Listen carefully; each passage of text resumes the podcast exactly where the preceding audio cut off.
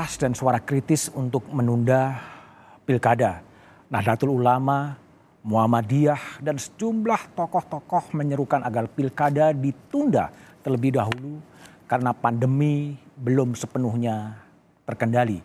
Namun elit politik tetap akan menggelar pilkada 9 Desember 2020 apa sebetulnya yang terjadi? Itulah tema satu meja The Forum malam ini dengan sejumlah narasumber yang telah hadir. Ada Ahmad Doli Kurnia, Ketua Komisi 2 DPR dari fraksi Partai Golkar. Selamat malam, Bang Doli. Selamat malam, Mas. Ya, lalu kemudian ada tenaga ahli utama dari kantor staf presiden Doni Gahral Adian. Malam, Bang Doni. Malam, Mas Budiman dan kemudian ada uh, guru besar Universitas Islam Negeri Syarif Hidayatullah Profesor Dr. Azjumadi Asra. Malam Pak Asra dan Selamat malam Mas Budiman dan para pemirsa Kompas TV. Ya dan ada juga uh, Dewan Pembina Perludem Titi Anggraini ya. Uh, saya akan bertanya dulu kepada uh, Bang Doli Kurnia, Ketua Komisi 2 DPR banyak suara-suara dari publik, suara ormas keagamaan NU Muhammadiyah yang meminta penundaan pilkada, tetapi dalam RDPU bersama KPU, DKPP, Bawaslu dan pemerintah diputuskan tetap digelar pada 9 Desember. Apa sebenarnya alasan yang paling logis dan rasional, Bang Doli? Uh, jadi begini, Mas Budian. Jadi sebetulnya ini kan sebetulnya agenda nasional agenda atau konsensus kita ya dalam bagaimana kita menjalankan sistem dan uh, politik dan demokrasi kita. Jadi ini sebetulnya agenda pilkada ini sudah dirancang dari jauh-jauh hari, ya kan? Persiapan apa namanya teknisnya sampai pelaksanaan pilkada setelah 2020 ini juga sudah berlaku cukup lama. Dan kami juga sebetulnya dari awal sudah terus jadi rapat-rapat kerja kemarin itu bukan rapat kerja yang pertama dan terakhir, tapi sudah berkali-kali. Dan secara informal juga kita uh, selalu berkoordinasi. Nah, dari apa yang disampaikan oleh pemerintah dan kemudian uh, penyelenggara, juga kami konfirmasi ya dari beberapa ke beberapa. Nah, nah sejauh ini memang uh, pelaksanaan tahap pilkada serentak tahun 2020 itu uh, tetap berlangsung sebagaimana mestinya, ya, sebagaimana direncanakan, dan situasinya masih terkendali. Masih terkendali. Artinya memang pilkada agenda nasional, tetapi apakah suara-suara keberatan, suara-suara lebih hati-hati dari ormas-ormas keagamaan itu tidak didengar? Tentu kami eh, sangat menghormati dan kemudian memberikan apresiasi ya terhadap suara-suara dari masyarakat itu.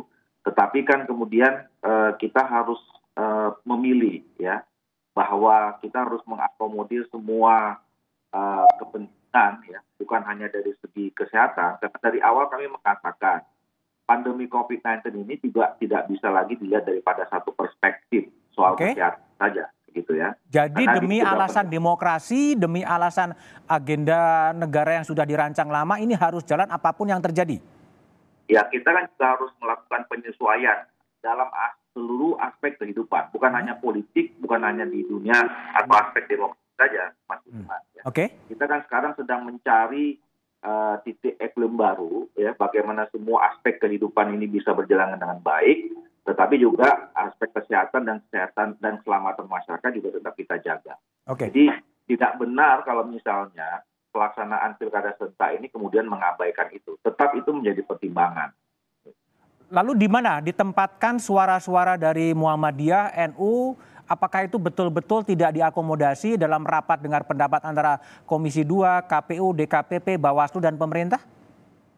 Nah, kekhawatiran kita kan memang eh, akan terjadi ya klaster baru eh, terhadap penyebaran COVID ini dalam kaitan pelaksanaan pilkada serentak tahun 2020.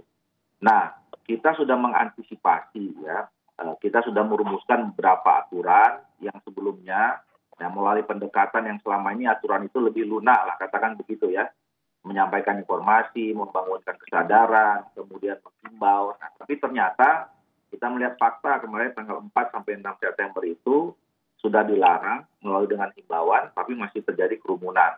Nah, oleh karena itu setelah tanggal 4 sampai 6 itu kami juga uh, kembali melakukan rapat kerja dan kemudian meminta kepada pemerintah dan penyelenggara untuk merumuskan aturan-aturan baru yang lebih ketat ya, okay. yang lebih tegas terhadap pendisiplinan, penegakan disiplin dan penerapan sanksi terhadap pelanggaran-pelanggaran sehingga nanti pilkada ini uh, kita kan memang tidak bisa terjadi lagi pelanggaran COVID-19. Oke, okay, baik, baik. Saya ke Profesor Azuma di Asra.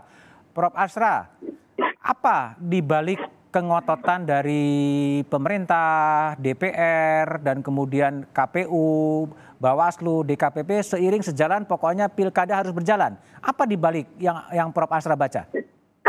Ya, saya kira yang pertama tentu saja kepentingan-kepentingan politik ya.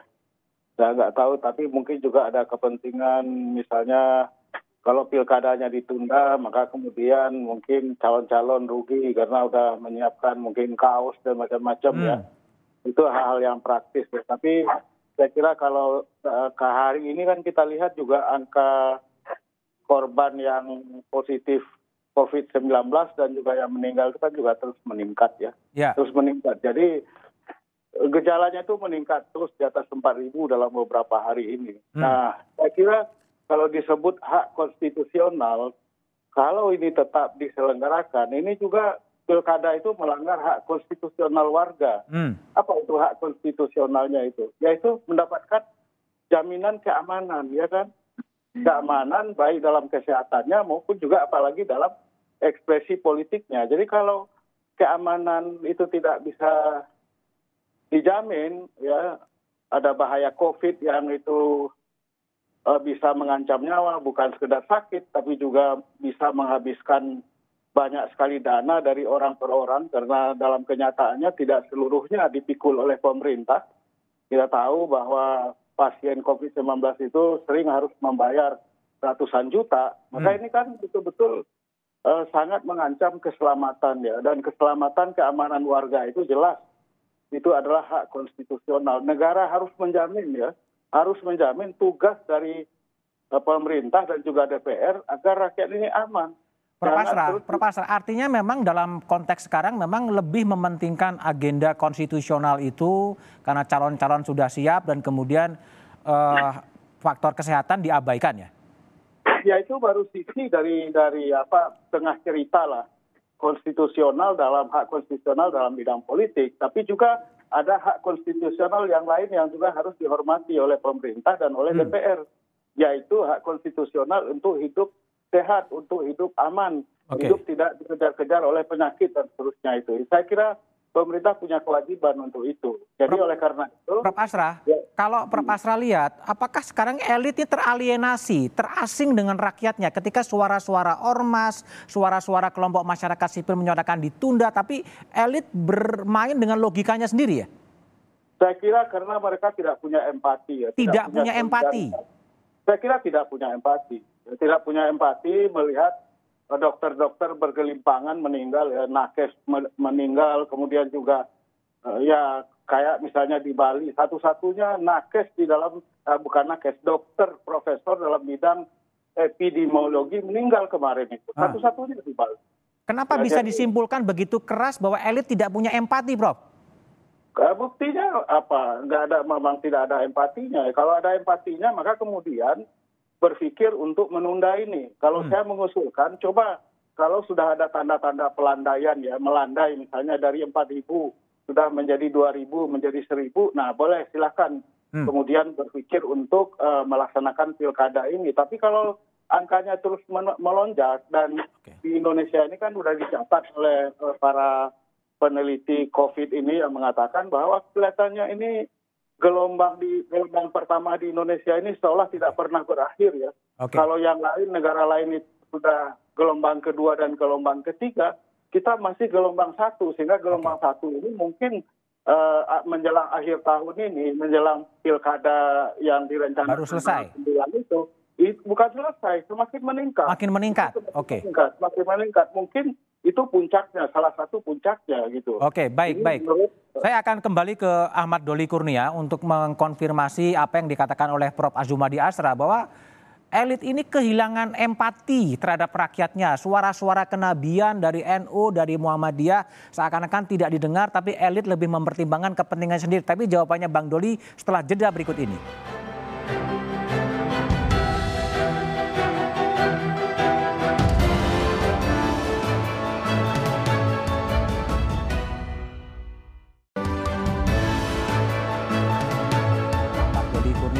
Bang Doli, Uh, tadi pernyataan dari Prof. Asra mengatakan bahwa elit-elit ini tidak punya empati ya, tidak punya empati terhadap rakyat suara-suara uh, yang disampaikan kemudian tidak didengar dan jalan dengan logika sendiri. Gimana pembelaan Anda? Uh, Mas Budiman, uh, uh, saya perlu informasikan bahwa sebetulnya pelaksanaan pilkada ini sudah kita pernah tunda. Oke. Okay. Ya, ini kan tahapan sebenarnya sudah mulai dari September 2019. Oke. Okay. Kemudian ketika uh, COVID uh, hadir, dunia dilanda pandemi di hmm. akhir Februari dan awal Maret. Oke. Okay. Waktu itu kita tunda. Tunda. Kita tunda tiga bulan, segala sesuatunya dipersiapkan, hmm? aturannya diperbaharui, anggaran ditambah. Ya. Jadi misalnya contoh, uh, sekarang TPS itu satu uh, TPS itu tidak boleh lebih dari 500 orang berbeda dengan tahun 2019 yang 800 orang. Oke. Okay. Kemudian semua dikasih uh, alat-alat pelindung diri, ya, baik penyelenggara maupun juga masyarakat yang nanti akan terlibat. Bukan hanya di hari A, tetapi juga mulai dari tahapan-tahapan pada saat 15 Juni itu dilanjutkan. Oke, okay, Bang Doli, Bang Doli itu kan Jadi mengacu itu, kepada kepada Perpu 2 2002 ya, artinya pilkadanya ditunda dari September. Kemudian kalau kita baca ayat 3 di bagian penjelasan disebutkan bahwa pemungutan suara serentak pada bulan Desember 2020 ditunda dan dijadwalkan kembali apabila tidak dapat dilaksanakan karena bencana nasional pandemi coronavirus disease 2019 belum berakhir. Artinya Perpu juga sebetulnya memberikan ruang untuk tetap menunda kembali kalau pandemi ini belum berakhir. Apakah opsi itu dipertimbangkan oleh Komisi 2 DPR? Tentu itu menjadi pertimbangan. Itu penjelasan dari pasal uh, eh, 3. Iya. Sebetulnya itu penjelasan. Nah, pasalnya itu juga uh, secara letterless mengatakan kita akan dimungkinkan memang di dalam perpu itu uh, ditunda kembali ya kalau memang situasinya kita lihat uh, sudah tidak terkendali. Nah, belum berakhir ya? Terminologinya jadi, belum berakhir ya kalau di perpu itu? Kenapa? Kalau di Perpu, baca penjelasan Perpu, terminologinya itu bukan soal terkendali atau tidak. Kalau corona ini belum berakhir dan itu terbuka ruang untuk penundaan. Ya, itu penjelasan, di penjelasan dari Perpu ayat itu gitu. Tapi kalau di letterlessnya itu kita bisa memungkinkan kalau memang situasi bencana alam ini uh, apa namanya uh, dianggap tidak terkendali. Nah, oh, persoalannya sekarang, jadi gini, kita ini kan sekarang mengkhawatirkan saja sebetulnya bahwa pilkada ini akan menimbulkan kluster baru. Gitu. Nah, dari selama ini yang kita monitor, Mas Budiman, ya, waktu itu kita prediksi ya, ada lima tahapan. Sebentar, sebentar Bung Doli. Kalau kita lihat tren sekarang, setiap hari 4 ribu, 4 ribu, 4 ribu. Ini apa? Situasi terkendali atau situasi tidak terkendali atau gimana? Nah, sekarang ini mas, ada pilkada dan nggak ada pilkada kan itu bisa berjalan. Oke. Okay. Artinya kita, Jadi kita kan gak, sekarang begini loh, masalah eh, apakah misalnya kita bisa membuktikan hmm? ya, dengan peningkatan jumlah yang eh, bertambah atau terpapar itu itu disebabkan oleh dilaksanakannya pilkada. Oke. Okay. Nah, ya. Ini ya. kan menyangkut semua aspek kehidupan saya katakan sekarang ini. Oke. Okay. Ya? Intinya adalah kalau kita bisa menilai ya, mau politik, mau demokrasi, mau hidup sosial dan segala hmm? macam. Ya, kalau kita nggak disiplin ya memang akan akan apa namanya ya jumlah uh, yang terpapar, jumlah orang yang terinfeksi itu hmm. akan juga meningkat. Okay. Jadi problemnya kan itu bukan problemnya karena ada pilkada maka orang banyak terpapar kan gitu. Iya, tapi kan potensi pengumpulan orang kan bisa terjadi, Bang Doli. Nah, itu yang sekarang kita atur. Nah, okay. Jadi kemarin kita kan uh, sudah banyak uh, mendapat pelajaran 4 sampai 6 September okay. pada saat pendaftaran calon itu banyak orang yang uh, apa uh, terjadi kerumunan. Oke. Okay. Waktu itu kita khawatir ya akan terjadi klaster baru. Nah, ini sudah 14 hari, 17 hari, eh, 16 hari malah, hmm. ya kan? Kita melihat kalau indikasi itu kan eh, 14 hari bisa kelihatan ya apakah memang kerumunan-kerumunan itu menghasilkan Oke. nah, tapi dari monitor yang kita uh, lakukan itu tidak terjadi. Oke, jadi Nah, aman-aman saja ya. Oke, baik. Nah, Baik, saya Nah, ke yang A- A- Doli apa eh, Bung Doni Gahral dari pihak istana.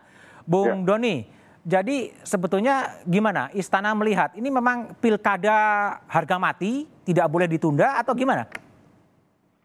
Baik, jadi pertama tidak ada kepentingan apa pun ya Dari dalam dari eh, pemerintah dalam Oke. menyelenggarakan pilkada serentak di tahun 2020 ini kecuali yang melaksanakan agenda nasional. Oke. Memang sudah terjadwal begitu dan ini sudah ada apa penundaan satu kali dan tentu saja yang kedua adalah bahwa keselamatan warga negara itu yang utama ah, sehingga betul dikatakan Bang Doli tadi, protokol kesehatan itu harga mati. Yang harga mati adalah protokol kesehatan. oh proteksi harga mati bukan pilkadanya ya? Jadi penyelenggaraan pilkada itu harus ya diselenggara dibuat ya eh, apa namanya sesuai dengan protokol kesehatan. Hmm, Ada kan ada aturan yang sangat detail mengenai ini yang mengatur mekanisme dan juga sanksi bagi pelanggaran-pelanggaran. Oke. Dan seluruh komponen masyarakat ya diimbau berperan serta aktif untuk memantau pelaksanaan pilkada ini agar setiap pelanggaran itu kemudian bisa dilaporkan dan akhirnya diproses begitu. Jadi gimana, Bung Doni? Jadi kesehatan itu eh, apa? ke- Kesehatan adalah hukum tertinggi, tidak boleh diabaikan. Tapi pilkada juga harus berjalan ya sebenarnya, gitu ya? Iya, jadi kepentingannya adalah penyelenggaraan pilkada secara langsung, umum, bebas, rahasia dan sehat. Oke, Jadi ada satu syarat lagi yang menjadi syarat paling utama ya penyelenggaraan pilkada ini. Sehingga kepala daerah yang berani melanggar ya akan ada sanksi dan juga sanksi politik dari konstituennya. Ya. sanksinya apa? Jadi, sanksinya ya tidak dipilih. Artinya kita tahu bahwa semua melihat eh, COVID-19 sebagai ancaman. Ya apabila ada calon eh, kepala daerah yang berkampanye nekat mengumpul- eh, mengumpulkan massa, ya nah, ini tentu saja akan menjadi satu eh, apa namanya yang buruk dan, Oke. dan apa akan eh, dapat ganjaran tidak akan dipilih oleh oleh pemilihnya begitu. Jadi ini saya kira eh, akan ada batasan-batasan ya Oke, ya yang secara natural eh, apa namanya eh, hadir di di pilkada ini atau memang aturannya memang membuat at, at- batasan cukup ketat Mas Budiman. oke, baik. Saya ke Titi Anggraini, Mbak Titi. Ya, Tampaknya ini sebenarnya kalau Anda baca yang paling ngotot siapa sih? Apakah ini disebut dibungkus dengan keputusan politik gitu? Tapi sebenarnya yang paling ngotot untuk menyelenggarakan pilkada 9 Desember ini siapa Anda baca? ya saya kira tiga-tiganya ngotot ya Mas Ngotot ya? Budiman, baik pemerintah, baik DPR maupun Kenapa KPU. ngotot ya? Iya, pertama tentu kalau kita lihat dari kepentingan politik, ini ada kaitannya dengan memproteksi masa jabatan kepala daerah terpilih. Oke. Kalau masa jabatan, kalau pilkada kita tunda, ini kan skenario-nya eh, pilkada serentak nasional itu akan diselenggarakan di November 2024. Tentu Hmm. saja kemudian kalau pilkada ditunda, masa jabatan itu makin pendek. Nah, Oke. yang kedua tentu saja partai-partai tidak mau kehilangan kesempatan untuk eh, posisi-posisi kepala daerah definitif dan Hmm. itu diserahkan kepada penjabat. Apalagi 207 daerah itu akan berakhir pada Februari eh, 2021. 2021. Oke. Sulit sekali untuk dibantah bahwa ini ada kepentingan untuk memproteksi dari eh, apa kader-kader partai yang sedang berkontestasi dan memastikan masa jabatan mereka tidak terganggu. Oke. Sebenarnya soal eh, misalnya penjabat dan dikhawatirkan tidak bisa membuat keputusan strategis, itu kan soal persoalan teknis, Teknis. ya, bisa dibuatkan regulasi. Bikin perpunya juga bisa ya sebenarnya ya? Betul, tetapi soal kepentingan politik, bagaimana memproteksi masa jabatan eh, kader-kader partai itu kan tidak bisa dihindari Hmm. kalau kemudian pilkadanya ditunda. Ada nggak ada nggak kaitan Mbak Titi? Ya. Ada nggak kaitan bahwa ini ada anak-anak petinggi negeri termasuk anaknya presiden sendiri ikut bertarung di Solo dan Medan, anaknya Kiai Ma'ruf bermain di apa Tangerang Selatan, uh, orang-orang elit bermain sehingga ya udahlah sekalian ngotot sama-sama punya kepentingan yang sama gitu. Iya, publik itu kan membaca dari narasi yang mereka yang mereka bisa lihat ya, dari Oke. apa yang terpampang. Faktanya memang begitu dan Hmm. a- a- apa pandangan publik itu saya kira wajar kemudian terbentuk apalagi kengototan itu kan sangat kuat ya. Hmm. Ketika misalnya bagaimana organisasi kemasyarakatan besar yang bekerja di akar rumput meminta Hmm. penundaan dan itu hampir semua ormas-ormas meminta penundaan Tetapi argumen untuk melanjutkan itu terus terang saja agak sulit bisa diterima. Selalu hmm. ada bantahan teknis yang uh, bisa disampaikan balik oleh publik. Contoh tadi Bang Doli mohon maaf akibat pendaftaran calon yang lalu sudah ada klaster uh, pilkada yang terbentuk. Contohnya yeah. di Agam. Ada dua calon positif yang datang mendaftar dan akhirnya menulari anggota KPU, operator KPU dan Bawaslu termasuk juga klaster pilkada di Boyolali. 80. Jadi kalau menganggap bahwa uh, 103 103 orang uh, 103 orang di Boyolali. betul, itu klaster Bawaslu. Jadi kalau kita mengatakan semua berjalan sesuai rencana, tidak gitu. Karena kenapa? Karena kita memutuskan ketika melanjutkan kembali tahapan ini, kita berada dalam situasi anomali. Anomalinya apa? Pertama, ketika kasus infeksi meroket tajam yang kedua, ketika segala instrumen hukum yang memadai itu semata sebatas mengandalkan peraturan KPU. Artinya Padahal situasinya KPU, memang belum terkendali ya Titi ya? Situasinya belum oh, terkendali betul. ya? Betul, dari sisi kondisi COVID-nya sendiri maupun instrumen hukum yang memadai yang diperlukan untuk memastikan kepatuhan pada protokol kesehatan. Hmm. Sekarang kita berharap misalnya Mas Budiman, bagi calon-calon yang melanggar itu misalnya dicabut haknya berkampanye atau dilakukan diskualifikasi, tidak bisa mengandalkan peraturan KPU. Sayangnya KPU-nya pun percaya diri begitu hmm. padahal penyelenggara pemilu saja yang relatif lebih terproteksi baik itu tidak bisa menghindari diri dari paparan virus COVID-19. Okay. Bayangkan puncak lembaga tiga orang sudah terpapar COVID-19. Ketua dua orang anggota di KPU, lalu satu orang anggota Bawaslu, beberapa ketua KPU provinsi itu problem, itu nyata begitu. Hmm. Bahwa kita tidak seterkendali yang kita bayangkan. Oke, baik. Saya ke Prof. Asra. Prof. Asra, uh, apa uh, Anda pernah mengatakan kalau memang pilkada ini tetap digelar, Anda akan memilih jalur untuk golput ya. Tapi jawaban Prof. Asra setelah jeda berikut ini.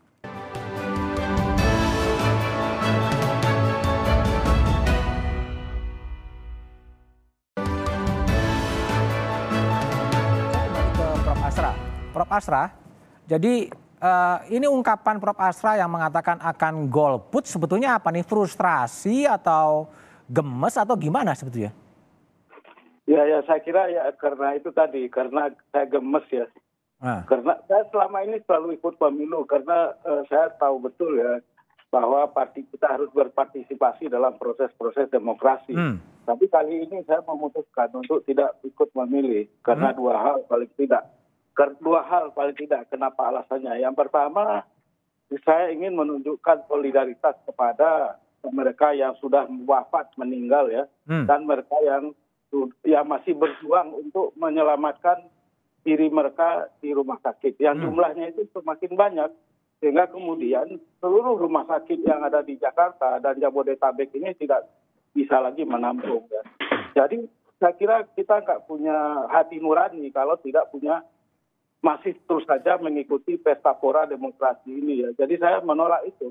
Yang kedua saya kira juga sebagai bentuk uh, bentuk uh, reaksi balik saya atas ketidakpedulian ya. Bentuk protes ya. ya sebagai protes. Saya hmm. memprotes terang aja memprotes ketidakpedulian gitu. Uh, suara-suara dari masyarakat dan memang saya kira baik DPR maupun juga pemerintah dalam beberapa waktu terakhir ini tidak peduli sama suara masyarakat mengambil keputusan sendiri tidak melibatkan hmm. civil society main ketok saja palu misalnya perubahan hmm. uh, revisi undang-undang KPK kemudian mengatok palu juga untuk undang-undang Minerba RUU Minerba dan sekarang juga mau mengetuk palu lagi untuk RUU Cipta Karya. Jadi saya kira ini berlebihan gitu ya. Berlebihan menurut ya? saya, menurut saya berlebihan. Jadi sama sekali tidak peduli sama masyarakat tidak peduli sama warga.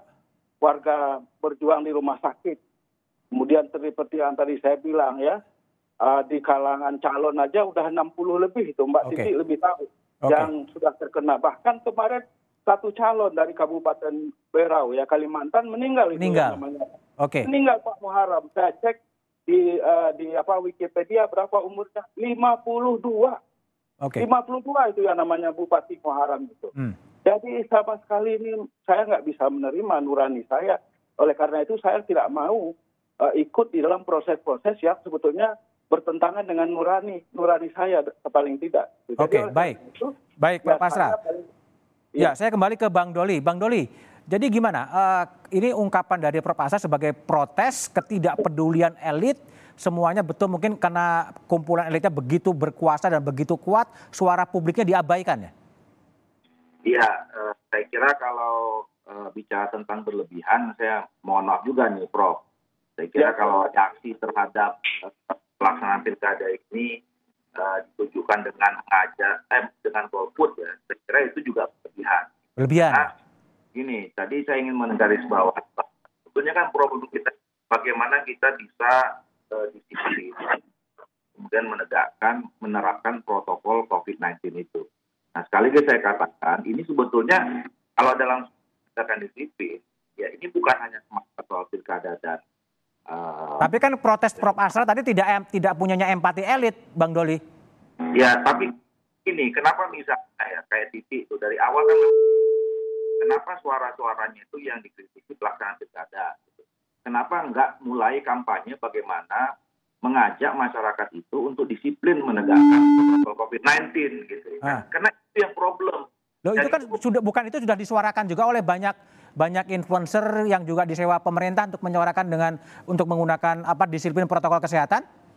Iya, karena gini, tadi soal disinggung ya, misalnya eh, kita bisa mungkin nanti bisa adu data. Kami kan juga ngecek setiap hari ya dari pemerintah, dari Kementerian Dalam Negeri, dari BNPT banyak daerah-daerah juga yang khususnya juga ikut terlibat pilkada itu juga sampai sejauh ini masih masih uh, hijau paling tinggi kuning turun dan segala macam jadi kita juga nggak bisa menyamaratakan bahwa seluruhnya ini. Uh, karena kita melihat Jakarta gitu misalnya dari perspektif Jakarta yang memang naik tinggi hitam gitu ya. Kemudian kita samakan. Satu. Yang kedua juga ada kita uh, dengar suara-suara dari masyarakat misalnya ya. Ada ketidak tidak ketidakpuasan masyarakat terhadap kepemimpinan kepala daerah yang sekarang. Nah, mereka juga berkeinginan supaya mereka untuk menyelesaikan masalah mereka yang selama lima tahun itu selesai, ya memang harus diganti okay. dengan dengan pilkada gitu. Nah, problemnya yang kedua tadi saya mau menanggapi, kita memang kemarin mengambil pelajaran tanggal 4 sampai 6. Makanya saya tanggal 7 ya langsung menggelar rapat kerja untuk minta mengevaluasi semua tahapan yang berjalan kita mendengarkan informasi penjelasan dari pemerintah dan uh, penyelenggara, kemudian kita mereview lagi aturan-aturannya. Itu tadi saya katakan, kalau selama ini aturannya memang dianggap terlalu lunak, gitu ya, misalnya cuma hanya himbauan segala macam, sekarang sudah keras. Bang ya. Doli, Bang Doli, tapi kalau kemudian elit apa suara publiknya tidak didengar dan kemudian publik diwakili oleh Prof Asra memilih untuk apa uh, golput atau udah di rumah aja lah mau pilkada pilkada silakan tapi saya memilih di rumah kan sah sah saja kan sebetulnya sah saja cuman kan kita rangka untuk uh, bagaimana tetap mempertahankan hak konstitusional kemudian uh, apa ya kalau itu hak kan terserah warga negara bukan? Kalau dia tidak mau memilih dengan alasan kesehatan. merawat demokrasi kemudian menjalankan sistem yang sudah kita bangun ya. Saya kira kan uh, sebaiknya uh, apa namanya uh, pertumbuhan demokrasi yang selama kita bangun kan tidak juga diberikan reaksinya dengan se ekstrim itu. Kira-kira begitulah. Oke baik. Saya ke apa ke Bung Doni Gahral terlebih dahulu. Bung Doni, jadi ya. uh, bagaimana anda merespon apa kritik dan protes yang sangat keras dari Prof Astra bahwa memang elit-elit ini karena terlalu percaya diri gitu, tidak mendengarkan suara-suara publik bahkan untuk ormas kaliber NU dan Muhammadiyah pun kemudian tidak didengar sama sekali. Apakah uh, mantra itu betul-betul kehilangan empati sama sekali sebetulnya? Semua masukan didengar, ya dijadikan pertimbangan. Masukan ya, mana yang didengar? Uh, ya dari seluruh uh, komponen masyarakat, dari. Oke, okay. ya, termasuk ketua umum partai ya. Tokoh uh, apa bangsa gitu, dan saya kira tidak ada kepentingan apa pun ya apakah itu partai politik atau siapa pun yang maju pilkada karena semua yang maju itu ya begitu dia maju siap kalah siap menang ya, tidak ada yang kemudian dirugikan atau diuntungkan dengan penundaan atau tetap dilaksanakan pilkada di tahun ini. Nah itu yang pertama. Nah, yang kedua tentu saja sudah dikatakan Bang Doli tadi ya kan kita bermain dengan asumsi-asumsi saat ini ya, okay. bahwa nanti akan ada ledakan dan lain sebagainya itu termasuk asumsi, asumsi awal ya Doni Doli ya Awasabi bahwa apa kok nggak usah takut dengan COVID lah itu seperti flu biasa akan hilang sendiri gitu ya nggak asumsi bahwa akan ada ledakan ya apa namanya klaster pilkada itu kan asumsi. Nah kita Asumsi sekarang ya? bekerja dengan Oke. bagaimana memitigasi asumsi itu Oke oke. dengan oke. aturan main yang keras, Hmm. dengan sanksi yang tegas dan masyarakat pasti ya akan eh, apa namanya menghukum dengan eh, apa namanya eh, begitu saja bagi mereka yang akan melanggar gitu. Hukuman politik itu pasti akan diterima oleh mereka yang berkampanye dengan mengabaikan protokol kesehatan. Oke. Jadi saya kira ada batasan-batasan yang saya kira seluruh kandidat kepala daerah harus apa namanya menjalankan kampanyenya dengan itu. Oke, baik. Kembali ke Mbak Titi Anggraini. Mbak Titi, jadi tadi menurut Bang Doli mengatakan bahwa pilkada ini untuk menghormati hak konstitusional dari eh, warga negara, dari pemilih, baik yang memilih maupun yang dipilih. Tapi kalau lihat tren dari Prof. Astra, orang lebih, walau apa memilih di rumah aja lah, nggak usah milih. Itu gimana Anda lihat kalau nggak datang? Iya, iya betul. Menghormati hak konstitusional warga negara juga harus memastikan bahwa warga negara itu bisa memberikan hak pilihnya tanpa rasa takut atau khawatir bahwa dia bisa terpapar kasus COVID-19. Sekali lagi Mas Budiman, ketika masyarakat sipil bersuara keras soal kelanjutan pilkada, di tengah situasi pandemi yang masih sangat tidak terkendali ini, bukan berarti kami tidak bersepakat terhadap praktik demokrasi atau kemudian kami melakukan rongrongan terhadap kebijakan yang dibuat oleh negara. Tetapi ini bagian dari kontrol publik untuk Hmm. memastikan layanan negara terhadap rasa aman, kesehatan, demokrasi yang sehat begitu itu juga didapatkan. Sekarang dalam situasi seperti ini misalnya, ketika COVID belum terkendali, instrumen hukum belum tersedia dengan baik, lalu kemudian kalaupun nanti misalnya ada perpu, tetapi kan sebuah instrumen hukum tidak bisa serta-merta diberlakukan saja. Dia memerlukan waktu untuk disosialisasikan, diinternalisasikan di antara para pihak, serta penguatan kapasitas di antara para penyelenggara. Hmm. Nah, hari ini kita diperhadapkan pada misalnya penyelenggara yang terpapar oleh ketidakpatuhan oleh para elit. Hmm. Dan kita tidak melihat ada eh, sesuatu sanksi yang bisa diberlakukan pada elit yang secara besar-besaran melakukan pelanggaran protokol kesehatan pada tanggal 4 sampai 6 eh, September yang lalu Dibiarkan aja ya? begitu. Dibiarkan saja contoh Mas Budiman. Ini sangat parah sekali ya. Ada kandidat yang sudah tahu positif, Hmm. tetapi tetap memaksakan datang ke kantor KPU, mendaftarkan diri, lalu menulari yang lain. Hmm. Pertanyaannya apa yang dilakukan oleh negara? Nah, kampanye itu lama, 71 hari. Jadi bukan berarti Bang Doli, Mas Doni, kalau kami minta ditunda, itu ditundanya menunggu selesai. Tetapi di masa penundaan itu satu, negara total football di dalam eh, mengatasi pandemi COVID-19. Yang kedua adalah menyiapkan semua instrumen hukum terbaik yang membuat kita tidak perlu lagi saling lempar tangan, Hmm. menagih tanggung jawab ketika ada pelanggaran. Yang ketiga, kita membangun kesadaran bersama kalau misalnya agenda demokrasi ditunda untuk mendapatkan partisipasi terbaik, ada kesadaran yang kuat dari masyarakat. Kami itu sangat komitmen untuk menerapkan protokol kesehatan. Satu orang eh, eh, staf perludem misalnya sudah positif COVID-19. Kami eh, komitmen pada pemerintah untuk misalnya WFH sampai Hmm. akhir tahun ini. Jadi bukan hanya penyelenggara yang terpapar, bukan hanya elit politik yang terpapar, pegiat pemilu pun sudah ada yang terpapar. Nah, situasi ini yang ingin kami jawab ketika merekomendasikan ditunda dulu sampai semua instrumen sebagai prasyarat demokrasi sehat itu bisa kita peroleh begitu Mas Budiman. Tadi kalau dikatakan oleh Bang Doli dan juga Doni akan ada sanksi yang tegas terhadap pelanggar-pelanggar protokol kesehatan, apakah itu sudah menjamin bahwa pilkada ini akan bisa tidak menciptakan klaster-klaster baru? Iya, yang diperlukan itu sebenarnya dua. Satu adalah special voting arrangement atau kemudian perekayasaan mekanisme pemilihan yang bisa menekan penyebaran. Dengan e-voting mungkin ya? eh, bukan hanya itu, misalnya perluasan eh, eh, durasi waktu pemberian suara, mekanisme kotak suara keliling, memilih lewat pos, rekapitulasi suara elektronik. Itu memang bisa disediakan oleh Perpu, Mas Budiman. Tetapi Perpu kan sekali lagi satu, tidak bisa langsung dioperasikan. Dia perlu dilatihkan dulu, disosialisasikan dulu, dipahamkan dulu. Nah yang kedua soal sanksi sanksi ini tidak bisa kalau hanya mengandalkan peraturan KPU. Contoh misalnya ketika ada diskualifikasi. karena saya setuju diskualifikasi terhadap pelanggaran protokol kesehatan oleh kandidat. Karena ini adalah pelanggaran yang membahayakan nyawa manusia. Tetapi tidak bisa mengandalkan peraturan KPU karena ada limitasi. Mencabut hak untuk berkontestasi itu skemanya adalah satu melalui undang-undang dan yang kedua melalui putusan pengadilan. Tetapi kalaupun itu disiapkan sekarang, dia tidak bisa serta-merta. Pemahaman di antara aparat penegak hukum pun harus baik jangan sampai kemudian karena ini 270 daerah artinya 270 lokus antara satu dengan yang lain karena pemahaman yang berbeda okay. terjadi tebang pilih di dalam penegakan hukum. Okay. Akhirnya kisruh lagi di pilkada menimbulkan konflik dan itu yang kita tidak inginkan. Kita sama-sama ingin demokrasi yang kuat.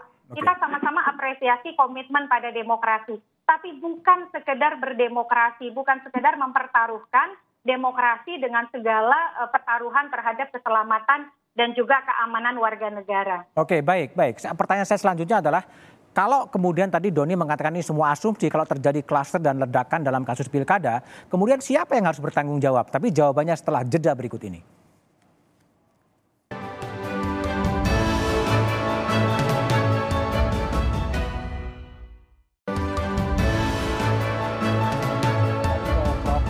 Asra. Prof Asra, ya. uh, suara publik sudah disampaikan, tapi penyelenggara pemerintah dan DPR ngotot pada keputusannya pilkada harus jalan 9 Desember. Katakanlah terjadi ledakan klaster di pilkada, siapa yang harus bertanggung jawab dalam kasus itu? Ya tentu saja ya yang bertanggung jawab pemerintah sama DPR sama KPU ya. Hmm. Tapi penting saya kira diingatkan bahwa uh, apa yang misalnya ada perpu pengetatan ya protokol kesehatan saya kira negara kita ini uh, praktek seperti itu. Itu uh, kontradiksi interminis with kontradiksi interminis. Iya karena apa? Karena masyarakat itu semakin di katakanlah itu di uh, mungkin ada opresi lah katakan begitu ya. Dan bahkan itu digunakan juga ormas-ormas kepemudaan bahkan hmm. uh, satpam ataupun security dipakaian dipakaikan pakaian seragam yang mirip mirip dengan seragam uh, apa aparat negara. Ini kan apa ini? Mau perkembangan ke mana? Demokrasi apa seperti ini? Hmm. ini betul-betul kontradiksio interminis dengan demokrasi. Demokrasi itu membuat yang orang itu berpartisipasi dengan ikhlas dengan sadar ya. Dengan ikhlas dan sadar. Kalau misalnya harus di giring-giring ke sana sini dipaksa, saya kira ini nggak cocok dengan demokrasi gitu ya. Tidak ada demokrasi dengan regimentasi ya, dengan menggunakan uh, apa uh, apa itu uh, protokol kesehatan melalui Perpu yang sangat. Oke. Okay. Menurut saya, ya baik. Kalau terakhir baik. ini, ya.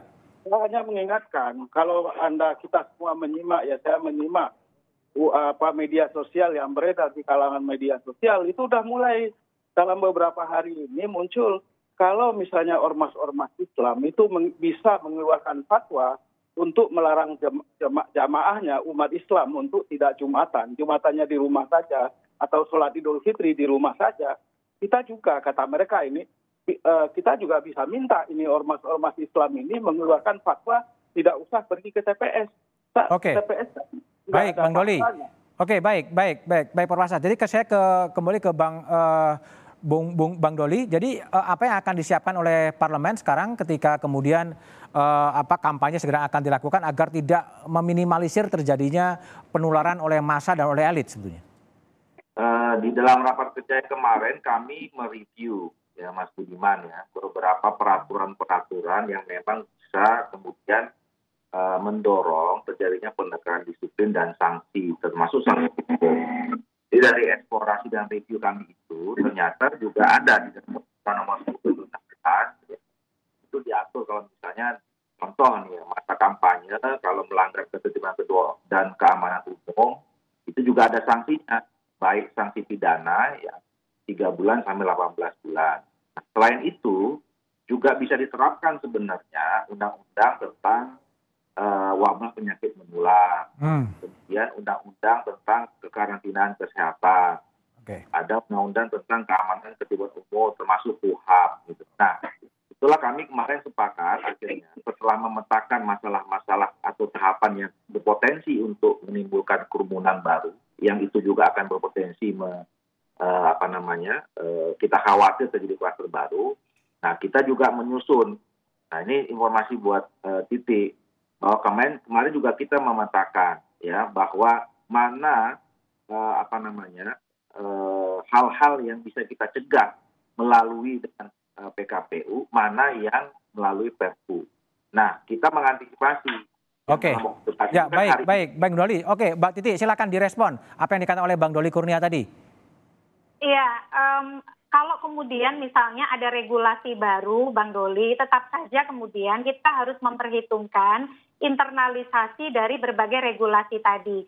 Penggunaan uh, ketentuan pidana umum itu kan berarti memang merujuk kepada ketentuan KUHAP. Dan KUHAP itu prosesnya panjang sekali sampai ke proses misalnya kasasi ke Mahkamah Agung. Sehingga efektivitas penegakan hukum juga tidak bisa serta-merta efektif. Nah, e, mengapa kemudian usulan kami sebenarnya konkret saja, Mas Budiman. Kita tunda saja dulu ini beberapa saat dan kita hmm. laksanakan.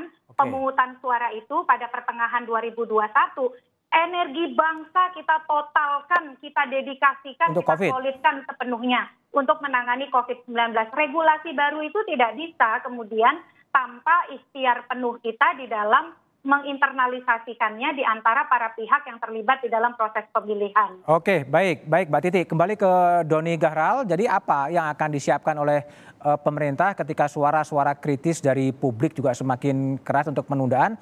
Ini akan tetap berjalan sesuai dengan apa yang sudah disepakati dengan kesepakatan politik itu, Don? Tetap berjalan dan pemerintah sudah mengerahkan seluruh resources ya presiden sudah memerintahkan juga kemarin kepada Pak Luhut Bin Sarpanjaitan untuk menurunkan kenaikan angka positif di sembilan provinsi. Oke. Okay. Nah, artinya apa? Pemerintah ya ingin agar nanti pada saat pilkada serentak warga negara bisa menunaikan hak politiknya tanpa rasa takut, hmm. ya. Dan bagi mereka yang melanggar akan disiapkan sanksi. Dan tadi saya ingin menanggapi Prof. Uh, Azumardi, saya kira eh, kelompok-kelompok masyarakat itu tidak bisa melakukan penindakan.